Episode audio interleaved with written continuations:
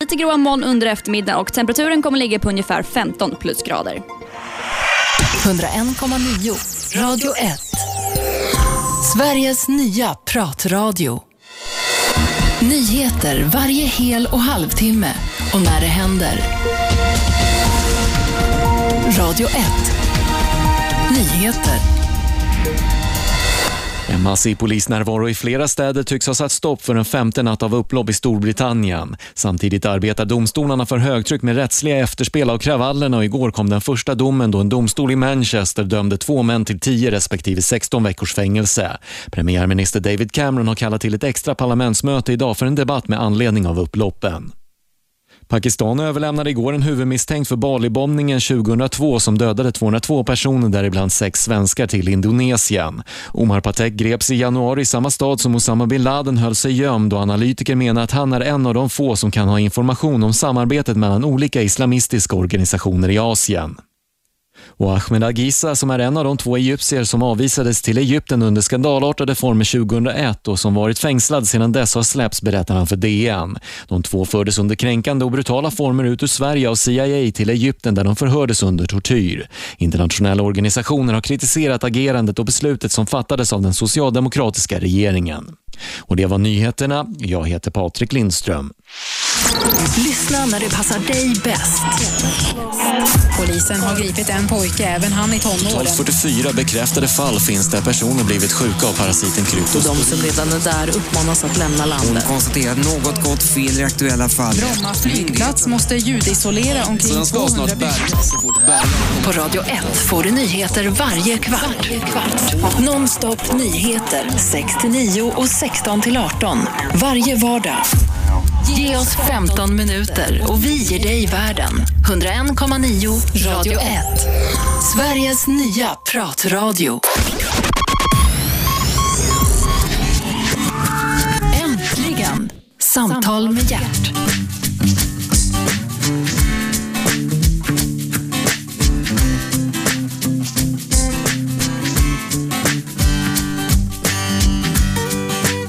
God morgon och hjärtligt välkomna till Radio 1.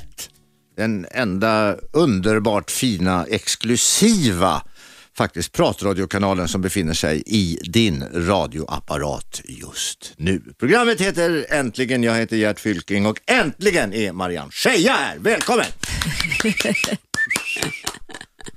God morgon, God morgon, tack. hur står det till? Det är jättebra idag. Du, man pratar inte om en dams ålder, men du har hunnit bli ganska mycket va? Ja, 50. Det Fem. står jag för. Ja, det är du tvungen att göra. Det till och med står i passet. Och på körkortet. Ja. Eh, Mm. Och lite i pannan. och lite, nej. Varför säger du så? Därför att eh, åldern märker att ta sin rätt ibland. Ja, men är det inte så att man ska, man, man kan ju inte se ut som eh, 15 hela livet. Nej, man kan- Även om många strävar efter att göra det. jag stoppar förfallet. Ja, men, det är ju inte ett förfall. Vi älskar ju gamla saker. Antika och Ja, näringsrika. ja men sånt som det är lite, som man kan se att det har hänt någonting med. Att det, det är inte bara en polerad yta utan man kan läsa erfarenhet och glädje och sorg och smärta. Personlighet och karaktär. Absolut, varför ska man ta bort det? Nej, det ska man inte ta bort. Absolut inte. Bra, då var vi överens om det. Du, eh, Marianne Scheja, tre barn. Ja, jag har ju en eh, styvson först, Daniel. Okej, Och sen så har jag en dotter, Rebecka, och Ja. en son, Leonard. Och sen så har jag också min sambors eh, barn, Josef och Sara, jaha. hos mig av och till just nu i mitt liv. Så ni är fem barn? Ja. Och, och, och, Okej, och det har varit lite olika pappor? Ja, Eller- jag har ju Ja, alltså, du har en papp- pappa till mina till- två ja. barn. Du kunde hålla på det i alla fall. Men sen har du i andra förhållanden fått mer barn? Ja, då har ju Lars, eh, min älskade sambo, de här två barnen också. Så att Mm. nu... Men det låter lite som att det är vuxna barn i alla fall. Ja, Sara är eh, 12, Ja, Josef är 19. ja. Och de andra är alltså Leonard är 21, Rebecka är 22 Så du behöver och inte så gå är Daniel 35 så han klarar sig rätt bra. på, så att du behöver inte gå till dagis i alla fall? men- Nej, den tiden är över. Ja, det är väl ganska skönt va? Ja, det är det. Ja. Men du, tonåringar, det kan vara nog så bekymmersamt det. Ja, men det är en underbar tid tycker jag när folk utvecklas och tar plats och just man börjar upptäcka deras personlighet och deras åsikter, värderingar och hur de testar och prövar sig fram i livet. Men hinner och... du med då i alla svängningar?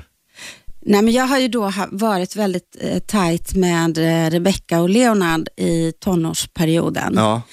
Ehm, för då här, vi skilde oss, jag och Staffan, 98 och då var alltså barnen ehm, åtta och nio år. Mhm. Så att, eh, och sen inte så långt efter det fick han två nya barn med sin nya fru. Okej, Och eh, det var ju mycket jag, Rebecca och Leonard under den tiden kan man ja, jag säga. förstår. Eh, och, och Staffan, det är alltså Staffan Scheja, därav ditt efternamn. Just det, Hur, vad hette du som flicka? Brinkendal. Det var inte tåligt det heller du.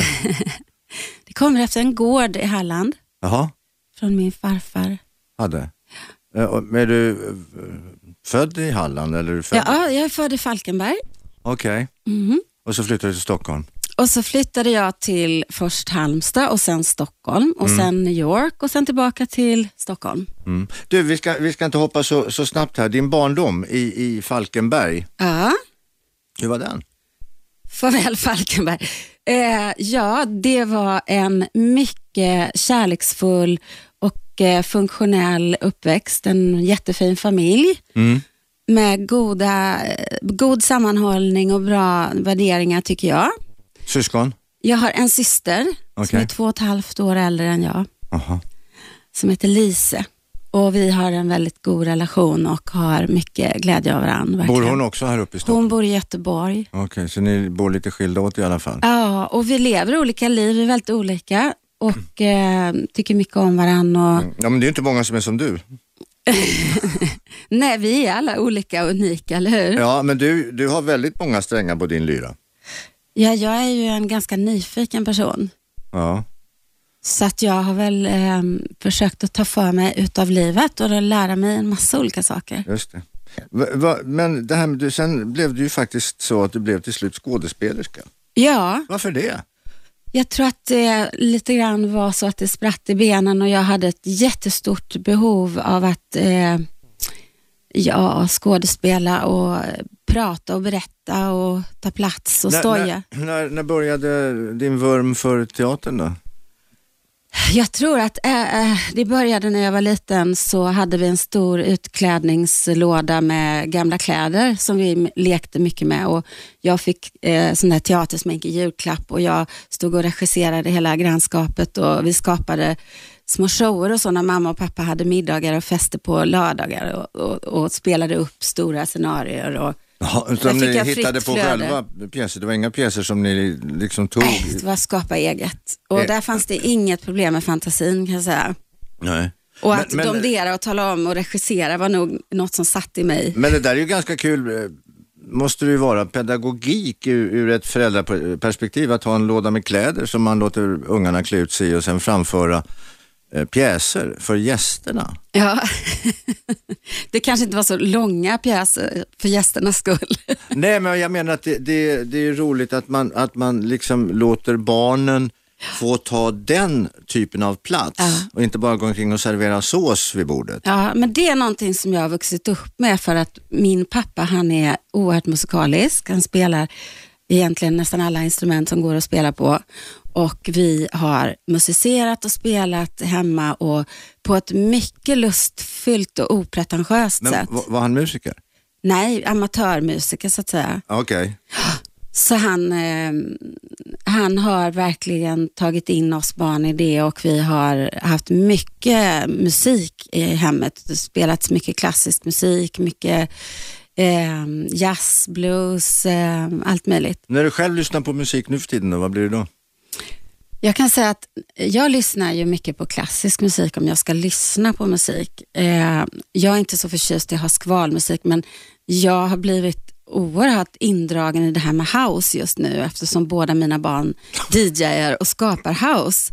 Eh, Men vad är house för någonting? Ja, det är svårt att beskriva. Man måste ju nästan gå och lyssna på en sån konsert för att komma in i den stämningen och samtidigt så är det ju väldigt rytmiskt och jag älskar att dansa Okej. och jag älskar att dansa till house eller till ja, Men egentligen. dansa till house, det är bara att sprattla runt då egentligen va? Nej, men jag går, jag går ju och dansar. De rytmer som finns är ju egentligen uppblandade från en massa olika typer av musik. Mhm. Och när jag går och dansar så går jag och dansar zumba till exempel för att det är roligt att det är en blandning av eh, ja, både afrikanskt och sydamerikanskt dans. Men zumba, det, det har blivit en träningsform det. Ja, det är en träningsform. Ja.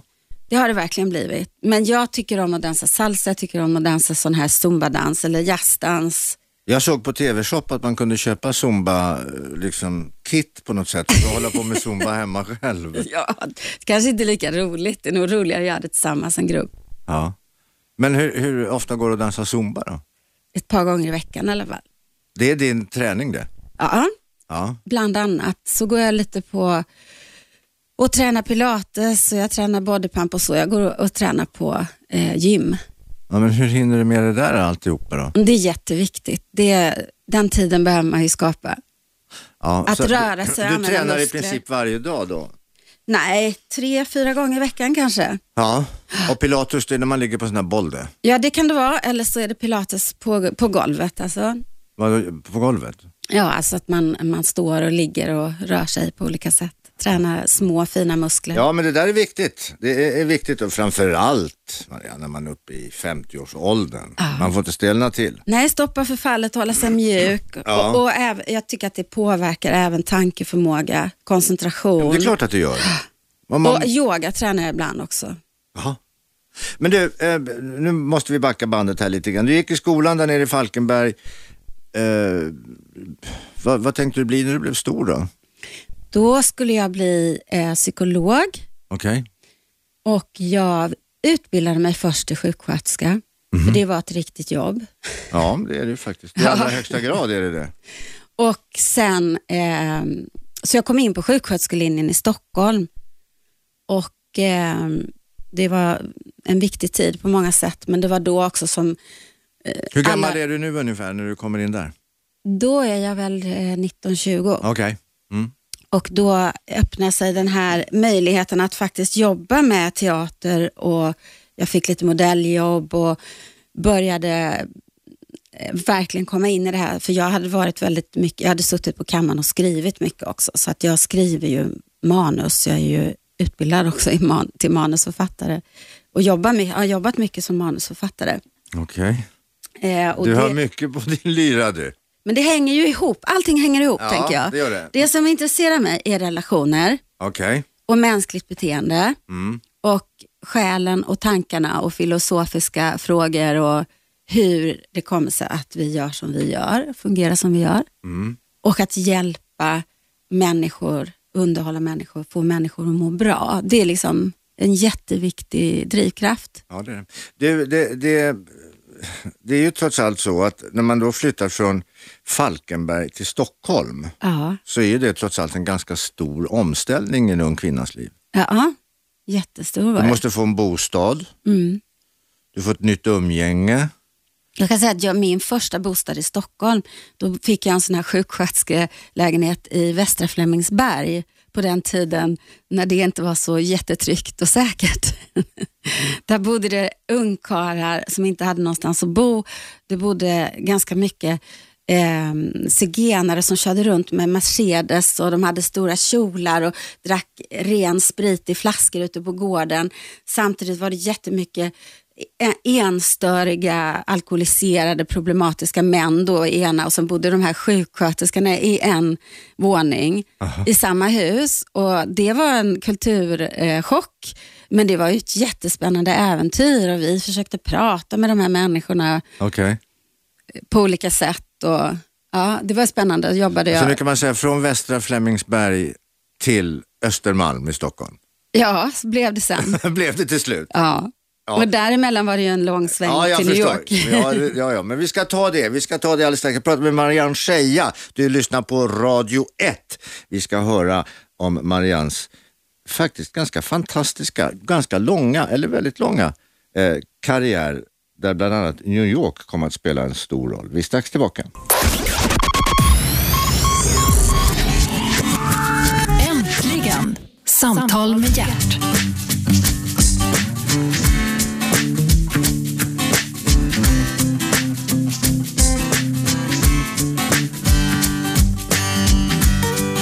Välkomna tillbaka, du lyssnar på Radio 1, Pratradiokanalen. Gert Fylking heter jag, äntligen heter programmet och äntligen är Marianne Scheja här. Hej Marianne! Hej. Du, vi har pratat lite grann om ditt, din uppväxt i Falkenberg. Ja. En, en pappa som kunde spela alla instrument. Duktigt. Eh, hemma fanns det en låda med kläder, ni fick klä ut er och så fick ni uppträda för gästerna på lördagskvällarna. ja, Du började tidigt. jag började tidigt med det. Men du flyttade till Stockholm eh, för att studera till, som du sa, att bli någonting på riktigt, det vill säga sjuksköterska. Ja. Hamnade i Västra Flemingsberg. Men efter två veckor så bodde jag i en lägenhet på Kungsklippan på eh, Kungsholmen. Ja, Jag hade en jättegullig klasskompis som förbarmade sig över mig och lät mig hyra hennes lägenhet. okej.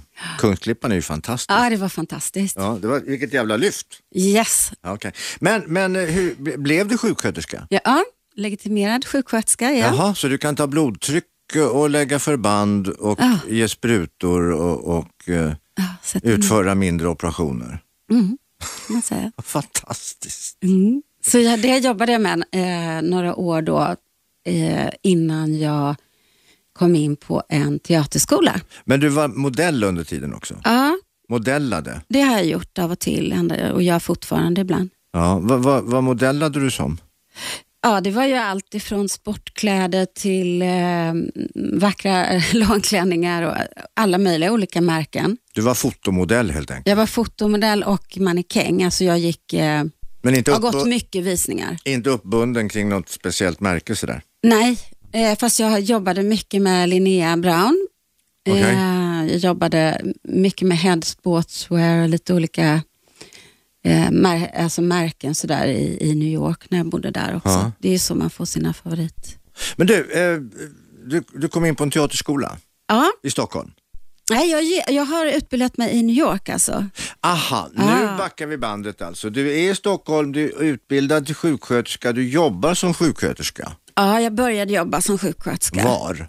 Eh, jag jobbade på, eh, dels jobbade jag lite på Södersjukhuset och Sofiahemmet och sen så jobbade jag på, vad heter det här lilla sjuksköterskehuset, det är så länge sedan.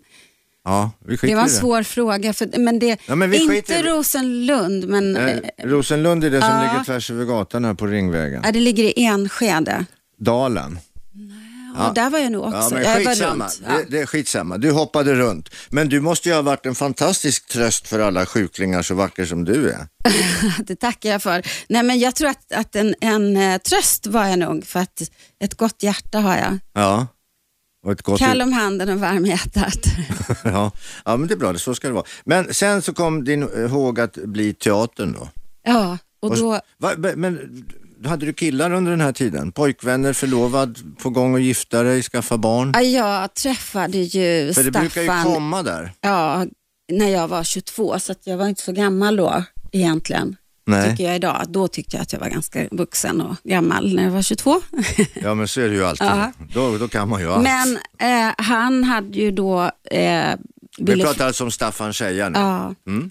Och han ville ju flytta till Sverige och var lite trött på New York då, medan jag egentligen började min resa i New York. Okej. Så att han stannade då några år till. Så, Så jag ni- bodde där i fem år. Ni träffades i New York. Nej, vi träffades i- i Stockholm. Vänta nu. Ni träffades i Stockholm. Ja. Han följde med dig till New York. Ja, det kan man ju säga för att han var på väg hem då, så att Okej, säga. okej. Och där, där i alla fall, Där skapade vi vårt första hem kan man säga. där skapade ni ett första hem och du började med teaterskola. Ja. Och fortsatte att modella. ja, det gjorde jag också. Okej, så att du har, i botten har du alltså en amerikansk skådespelarutbildning. Just det, Meissner-tekniken. Meissner. Ja, så jag studerade med Bill Esper. Jaha. Är det bra det? Ja, det var väldigt, det tycker jag var väldigt bra. Men det här med... med Det som inte var bra kan man säga, det var att jag inte sökte scenskola i Sverige eftersom jag trodde att jag kommer nog bo i New York i resten av mitt liv.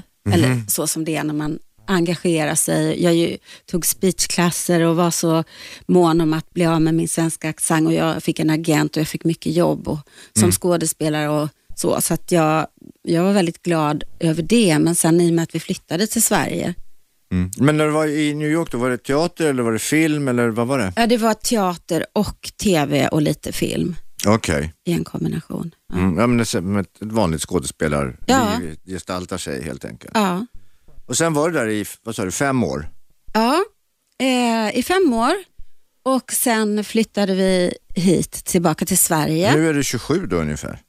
Ja, det var jag, 27. Mm. Och då eh, bestämde vi att vi skulle gifta oss och skaffa barn. Och då ville också Daniel flytta till Sverige, S- eh, Staffans son, Okej. med oss. Och eh, det var ju en fantastisk tid på helt andra sätt. Mm. Att få eh, egna barn. Ja. Var det något du hade längtat efter? Ja, då gjorde jag ju det. det. be- Det var ju, och jag tror att jag kanske inte hade gått omkring och längtat så mycket, men när de kom så var det som, ja det var ju en fantastisk Du var lycka. helt målinriktad som moder. Ja, det blev jag. Det trodde jag inte. Jag studerade eh, litteraturvetenskap på universitetet fortfarande när jag var gravid, parallellt med att jag jobbade eh, på en teater här då. Okej. Men den dagen hon föddes, då var det som att wow, hela livet ändrades. Mm. Ja, men det brukar vara så. Ja. Och så ska det väl vara också kanske? Och så ska det ju vara. Och eh, sen tog det ju inte lång tid innan jag var igång igen och började jobba och också vidareutbilda mig med manus och så, för jag insåg att jag vill verkligen skriva. Mm-hmm. Så att jag har kombinerat kan man säga manus och ehm, eh, mycket då av och till olika Men teaterroller. Du, jag tänkte på det, det är konstigt att våra vägar inte har korsats eh, på, på, på annat sätt än att vi har träffats lite då och då, och som nu här till exempel, att vi inte har träffats i teatersammanhang, Ja. mera professionella teatersammanhang. Det är väldigt märkligt. Ja, det är det. Men du vet, jag började, alltså vad ska vi säga, jag hade ju en kort period här när jag jobbade som skådespelare, men sen så började jag ju jobba med tv Mm. och blev liksom upplärd på regi på blåsningen. Jaha. Där jobbade jag och sen jobbade jag ju som manusförfattare och regissör och sedermera inslagsproducent och producent. Så jag har ju jobbat med tv i tio års tid. Ja, men jag har ju också jobbat med tv, Mm. herregud, hur länge som helst. Men det var ju en ganska kort period när vi samtidigt båda höll på Ja. med det, tänker jag. Ja, just det. Sen har ju jag varit inne och intervjuat dig i något tv-sammanhang. Ja.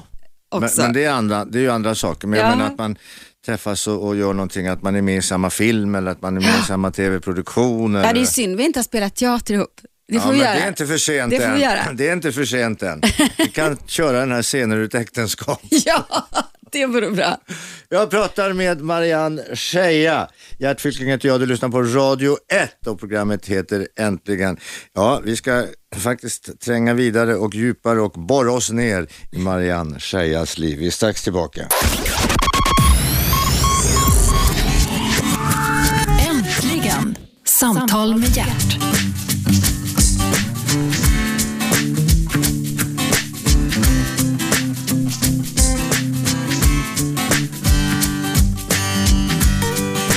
Välkomna tillbaka, Gert Fylking heter jag. Du lyssnar på Radio 1, pratradiokanalen nummer ett i detta fantastiska eh, lands huvudstad Stockholm. Du kan ju även lyssna på nätet och har du en fin telefon så kan du även ha den som app faktiskt. Eh, kanalen är 101,9. Äntligen heter programmet som sagt. Gert Fylking heter jag som sagt och äntligen är Marianne Scheja här. Du får ytterligare en, en applåd faktiskt. Tack, då ger jag en applåd till dig också Alltså, till, och till hemskt lyssnarna. mycket. Du, du berättade här för en stund sedan att du har precis fyllt 50. Mm. Är man fortfarande en milf när man är 50? Och det kan jag inte bedöma. Jag är inte lesbisk och jag är inte så, eh, vad ska vi säga, objektiv till mig själv. Men det är så här att, att eh, milf betyder står för mothers I like to fuck. Ja. Men när upphör man att vara en milf? Är, man, f- det blir, är det mellan 40 och 50 då man är milf? Alltså jag kan inte bedöma det. Jag kan verkligen inte säga vad, som, eh, vad det riktigt står för. Det enda jag kan säga, i och med att jag faktiskt har vidare och grundutbildat mig till psykoterapeut i KBT och beroendebehandling sista åren och jobbar som familjeterapeut sedan, alltså, eh, ja, vad är det, elv, eh, nej, sju, sju år tillbaka. Okej. Jag jobbar jättemycket med par och jag brukar göra en, en sån här liten jämförelse att när man säger så här, "M- mothers I like to fuck eller fathers I like to fuck, vi gillar inte att ha en mamma eller pappa i relationen. vi gillar inte att ligga med vår mamma och pappa. Därför tycker jag att uttrycket är väldigt konstigt, mother I like to fuck. Eller hur? Ja, ja, men jag, jag vet Milf. inte. Ja, ja, det, För det är verkligen något vi inte vill. Nej, nej. Vi vill inte ligga med vår mamma eller pappa. nej. Några finns det väl kanske, men de kanske du kan hjälpa till att bota då. Ja. Men du, du har ju gjort så fantastiskt mycket. Men berätta nu om ditt 50-årskalas. Var det något? Var det något? Ja, det var fantastiskt härligt, eh, ljuvligt.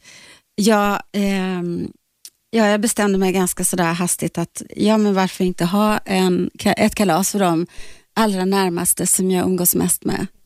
Och jag är väldigt, väldigt glad över det. Det var allt ifrån väldigt nära gamla barndomsvänner och familj och, och släkt till då eh, människor som jag verkligen, verkligen eh, står mig nära och umgås mycket med. Jaha, så ni blev ett 50-tal då kan jag gissa. Ja, lite drygt. Dina hundra närmaste vänner. Ja, lite ja, mittemellan där. Okej, 75 alltså. Men, men eh, eh, vad, vad hittade ni på då? Vi var ute på Blå porten på Djurgården. Ja, fantastiskt fint ställe. Underbart Ja, ställe, Mm. fantastisk mat och väldigt bra festlokal. ja det är Du det. kan vara inne, du kan vara ute och Ja. Mm. det blir, finns gott om plats att dansa och dansen är viktig och mina barn DJade. Okej. Och det var house som gällde. Ja, då blir det ju mycket house förstås, men det var ju också mycket 80-tal och 90-talsmusik de spelade då. Som och du, ha, 70-tal. som du hade vuxit upp med. Ja, de s- hade hittat och satt ihop en bra blandning för oss. Gamlingar. Eftersom ja, det fanns alla möjliga åldrar där kan jag säga. Okej, men, men eh, det där att ha ett 50-årskalas, är det ditt sista stora kalas det tror du? Ja, det, jag tror inte att, att jag arrangerar ett sånt jättestort 80-årskalas liksom, om jag Nej. får bli så gammal. Nej. Och vi vet ju inte hur gamla vi blir och jag kände så här, åh vad härligt att ha alla samlade, nära och kära. Och jag hade mycket att fira i år. Jag har eh, en dotter, Rebecca, som spelar med Fiona och det går jättebra för dem. De gör internationell DJ och musikproducentkarriär. Eh, producentkarriär. Likadant Leonard eh, som jobbar med Jakob i Naus som DJar och gör jättebra musik och har kommit med sin första hit och video i sommar Mhm, Kul. som heter Made of som spelas överallt. Och eh, ja, jag tyckte att jag har en underbar man som är en fantastisk skådespelare som spelar nu en Mankell-pjäs, faktiskt en komedi, Mhm. eh, som heter Svartepetter. Och han... Vet du en sak? Ja, Henning Mankell och jag, ja, vi, vi är gamla kompisar sedan lång tidernas begynnelse. ja. Och vi, vi startade faktiskt en gång i tiden någonting som heter, det hette då Kopparbergsensemblen, Jaha. men sen blev det Dalateatern utav det alltihopa. Men. Ja. Och vet du vad Lars, min sambo, var med och startade? Nej. Dalarock. Nej, Ni har något gemensamt. vad roligt. Världen är Det var liten. kul, ja. Nej, och i och med att ehm, de, de som betyder mycket och som jag lever nära och att jag hade gått eh, ut min utbildning och fått en ny lokal att jobba i och så vidare. Jag hade mycket att fira. Men du vänta, alltså det är ju så mycket utbildningar här, jag hinner inte med. Skådespelarutbildning, nej, sjuksköterskutbildning, skådespelarutbildning, manusförfattarutbildning, eh, regi, eh, producent, Litteraturvetenskap. litteraturvetenskap, modellande. Ja, det är ingen utbildning på ett sätt. Eh, Nej, det är väl ingen utbildning, man måste ju lära sig att gå i Ja. alla fall. Eh, Men, men, och sen terapeut, KBT. Mm. Eh, Mycket nu. Ja, men allt går ihop. Det är relationerna och det är att fortfarande hjälpa och få människor att må bra. Så det här att spela, spela teater, det, det är en del utav allt det här som du egentligen har byggt upp. Och det fantastiska är att jag sista ett och ett halvt åren, alltså sista två åren kan man ju säga, att fram till jul, att jag har jobbat med en grupp autister som eh, med olika diagnoser. Vad, vad är en autist? Autism är om du har en diagnos av en, man kan säga att, att det är en funktions, eh, ett funktionshinder eh, och det kan bestå av olika diagnoser. Det kan ju vara Asperger eller ADHD eller det, det finns så olika inom kriteriet. Man håller på att omvärdera det nu, men där man har en kommunikationssvårigheter kan man säga. Och eh, Kommunikation och inlärningssvårigheter. ja, en neuropsykiatrisk störning är det.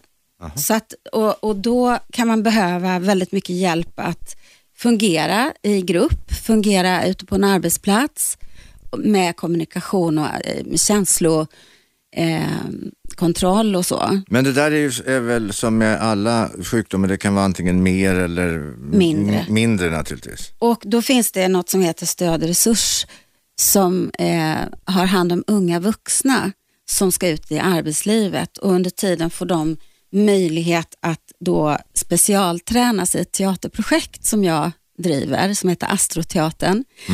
Och då kombinerar jag teaterträning med KBT. Så att jag hjälper dem att... KBT, det är alltså... Kognitiv beteendeterapi Okej. med kognition i hur de tänker och tankar som Jag låser tycker att det sig. låter Mm. jättespännande det här faktiskt. Ja, det är jättespännande. Och sen träna nya beteenden så de får ny beteenderepertoar, att lära sig att bete sig på sätt som fungerar bättre. Du, jag såg ett, ett eh, program på tv för många, många, många år sedan om just eh, något, nå- det var om en kille som var autistisk. Ja, Och eh, han hade i princip varit ett paket. Han hade inte kunnat lära sig att gå en gång. Och nu var han väl när han kom till den här familjen som, som då blev en resursfamilj åt honom, ett äldre barnlöst par. Eh, då tog mamman tag, eller damen i det här, eller mamman kan vi då kalla henne. Hon tänkte, vad fan han måste ju lära sig att gå.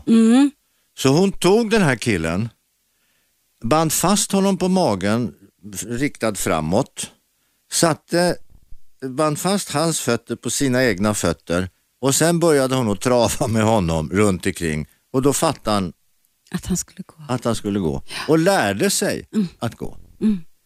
Det var den ena grejen med den där killen. Den andra grejen var många år senare. Eh, så har, så han bor fortfarande kvar i familjen och många år senare så, ehm, ja, så går föräldrarna och lägger sig och så säger frun, men, men eh, stängde du inte av radion? Jo, stängde av radion. Frun går ner. Då sitter han vid pianot och spelar. Han har inte, ta- han har inte suttit vid pianot, Nej, men han hade hört hur det skulle Musik. låta. låtar och kunde alltså projicera det här och spela de här låtarna på piano. Helt fantastiskt, vilken, vilken begåvning. Och det är just det som är spännande med de här ungdomarna, att de har sina egna unika begåvningar och att de kanske inte kommer fram annars. Och nu har de en möjlighet att eh, vara med och skriva en pjäs och så sätter vi ihop den, jag bearbetar den och sen regisserar jag dem och de får spela en roll som är specialskriven för just dem, var Mm. och en. Så att varje individ utvecklar nya bra egenskaper i, sin bete- i sitt beteende som de kan använda sig av i yrkeslivet sen. Mm. Så det är jättespännande och möjlighet för dem. Och för Ja, mig. men det är ett väldigt stort socialt engagemang som du ger uttryck för här tycker jag. Att hjälpa. Jätteviktigt. Ja, det är det. Mm. Och Och- roligt. Ja, ja, jo, men jag tycker det, det där är väldigt eh, viktigt och värdefullt det där att man, man ser sin egen möjlighet oavsett vad den gäller Mm. egentligen. Och sen, ja men här kanske jag kan göra med min kunskap eller med mitt handlag eller vad det här kan jag göra en insats. Mm. Och att man inte låter sig begränsas av att nej, det orkar jag inte eller nej, nu måste jag gå på bio. Eller rädsla. Jag tänker att det mycket handlar om mod. Att det är också en eh, rädsla att gå in i så kraftfulla uttryck som de kan ha. Att hantera, att kunna ha- själv hantera sina egna känslor för det första och vara en trygghet och en stabilitet och vara objektiv. även om människor brusar upp. Och, alltså för här kan jag ju jobba med fyra personer där den ena ligger på golvet och gråter, den ena står och hoppar, tjoar och skriker, "Ah!" massa idéer. Och en, en tredje sitter och bankar huvudet i vägen och snurrar på en stol. Och jag ska samla ihop dem och en fjärde sitter bara och, och tittar och, och lyssnar och försöker hänga med och vet inte riktigt Var eller varför eller hur. Mm. Och så kan det börja och sen från, och, och att man reser sig upp och springer rakt ut på Södersgatan för att man är jätteupprörd över någonting som ingen vet vad det var, till att man faktiskt kan fånga upp och titta och hitta ett sätt att andas, få kontakt och säga vad är det som händer i mig nu och vad är det jag behöver, för det är ofta något helt annat än det som uttrycket var.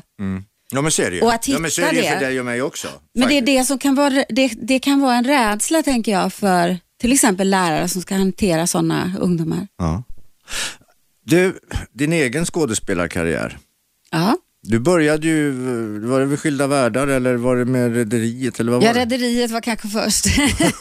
Ja, men jag kom- kommer inte ihåg dem där, Ja. i vilken ordning det var. Men där har du varit med. ja, där har jag varit med och jag har varit med lite grann och gjort eh, filmroller i några filmer och så här i Sverige. Men inte så jättemycket film och inga huvudroller utan det har varit eh, senast Bröllopsfotografen där jag spelade en överklasskvinna som var lite, eh, Underbar. lite dålig konstnär får man säga. Underbar film och underbart porträtt av denna degenererade kvinna i fami- denna degenererade familj. Ulf Malmros, eh, bröllopsfotografen, enormt bra film. Ja, Ja, en väldigt fin regissör att jobba med. ja verkligen. jobbar mycket med honom också faktiskt. Ja, Ja, han är, Han är outstanding, outstanding. Men du, vi ska återknyta här lite grann. Vi ska runda av så småningom och, och ska vi hitta Jag vill bara säga att jag regelbundet spelar faktiskt en kvinnoföreställning där jag har tolv kvinnor som heter Vem styr musen, där jag har gjort sedan 2004. Mm. Och den spelar jag i företagets sammanhang mycket. Den är väldigt uppskattad och Du, vi kul. ska ta tag i det där, vem styr musen? Jag pratar med Marianne Säga. Programmet heter Äntligen, Gert Fylking heter jag och stationen är naturligtvis Radio 1. Vi är strax tillbaks. Vem styr musen? Alltså.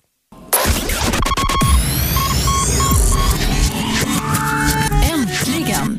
Samtal med hjärt.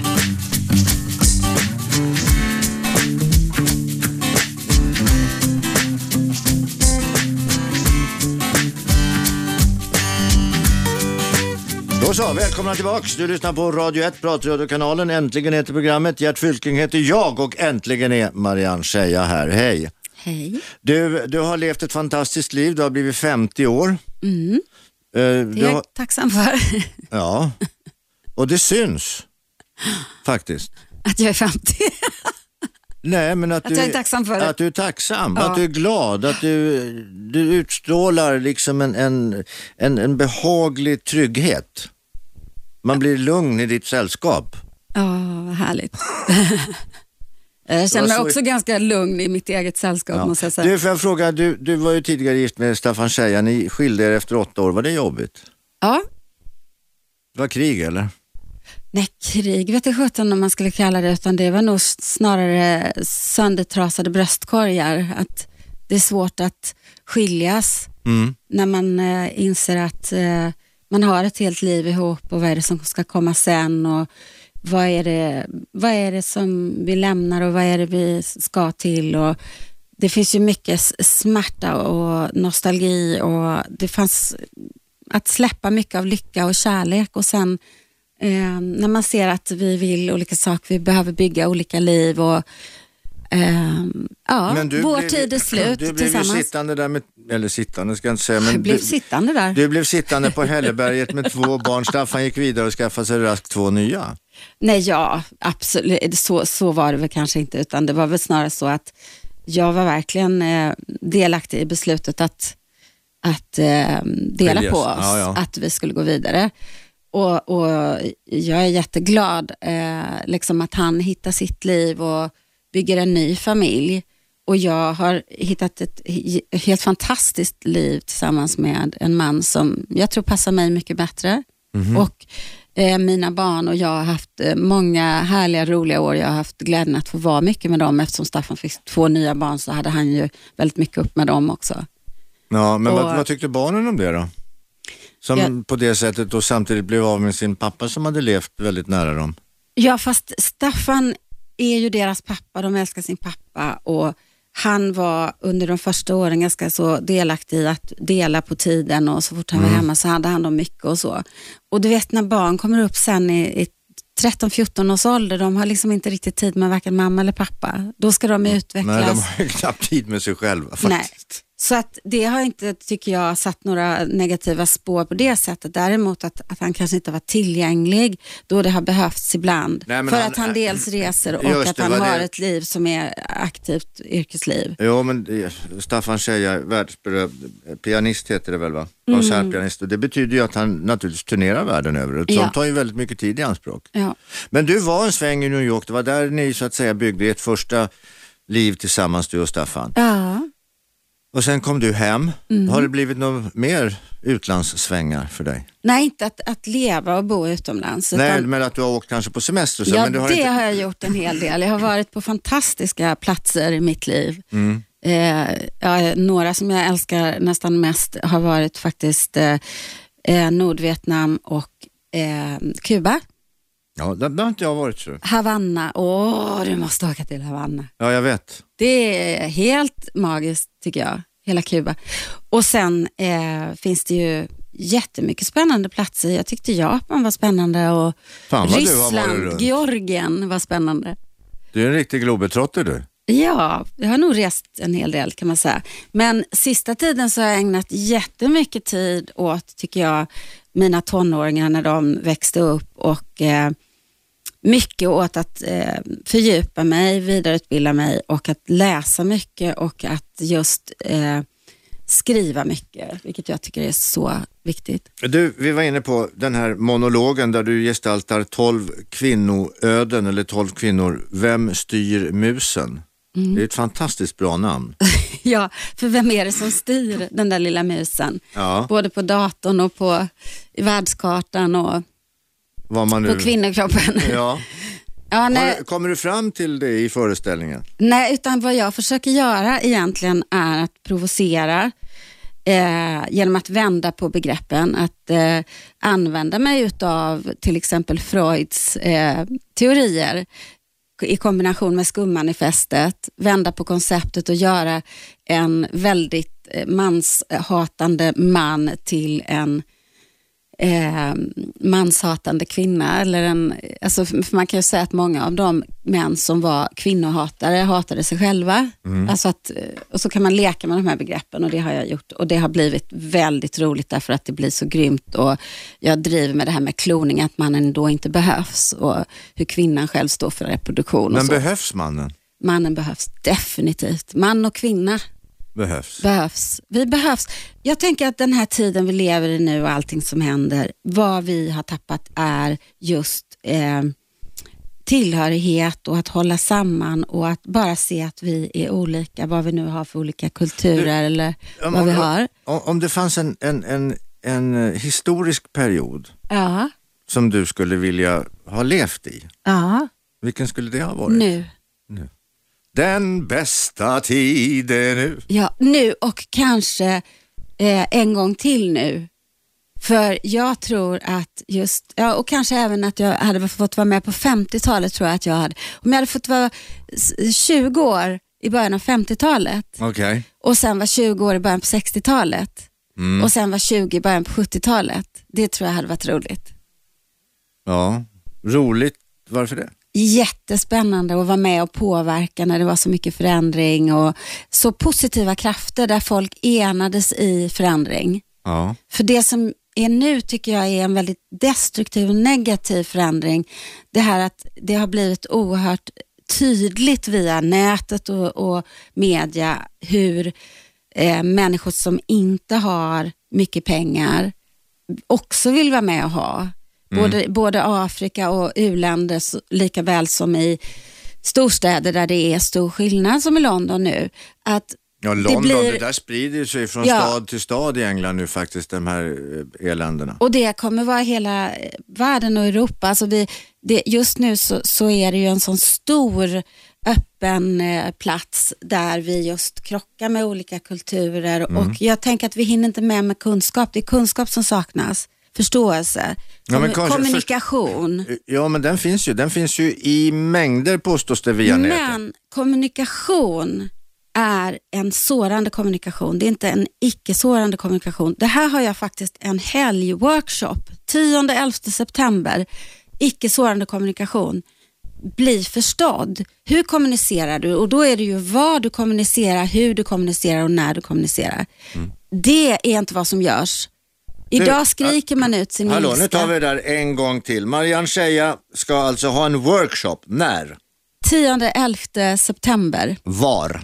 på Artillerigatan 27 i Stockholm. Hur anmäler man sig? Man E. anmäler sig via agreement.se. Bra. Marianne Scheja, ett stort tack för att du kom hit, att jag fick tillfälle att prata med dig. Vi måste ju prata med varandra betydligt mer. Det här var ju bara att skrapa lite på ytan. Jag ringer dig. Du, tack Du så får hem- mitt nummer. Ja, tack. Du ska få mitt. Eh, du, ett jättestort tack för att du ville komma hit. Eh, Tack du- att jag fick komma. Ta- Ja, självklart. Det, nu ska jag försöka avsluta här, nu får du inte avbryta mig.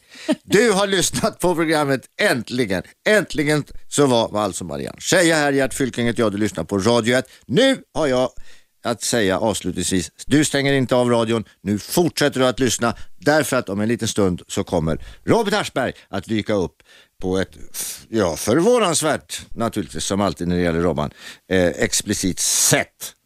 Alldeles strax har du Robban. Tack för oss, tack för mig. Vi, vi hörs imorgon. Inte med Marianne, men då med någon annan. 101,9 Radio 1. Sveriges nya pratradio.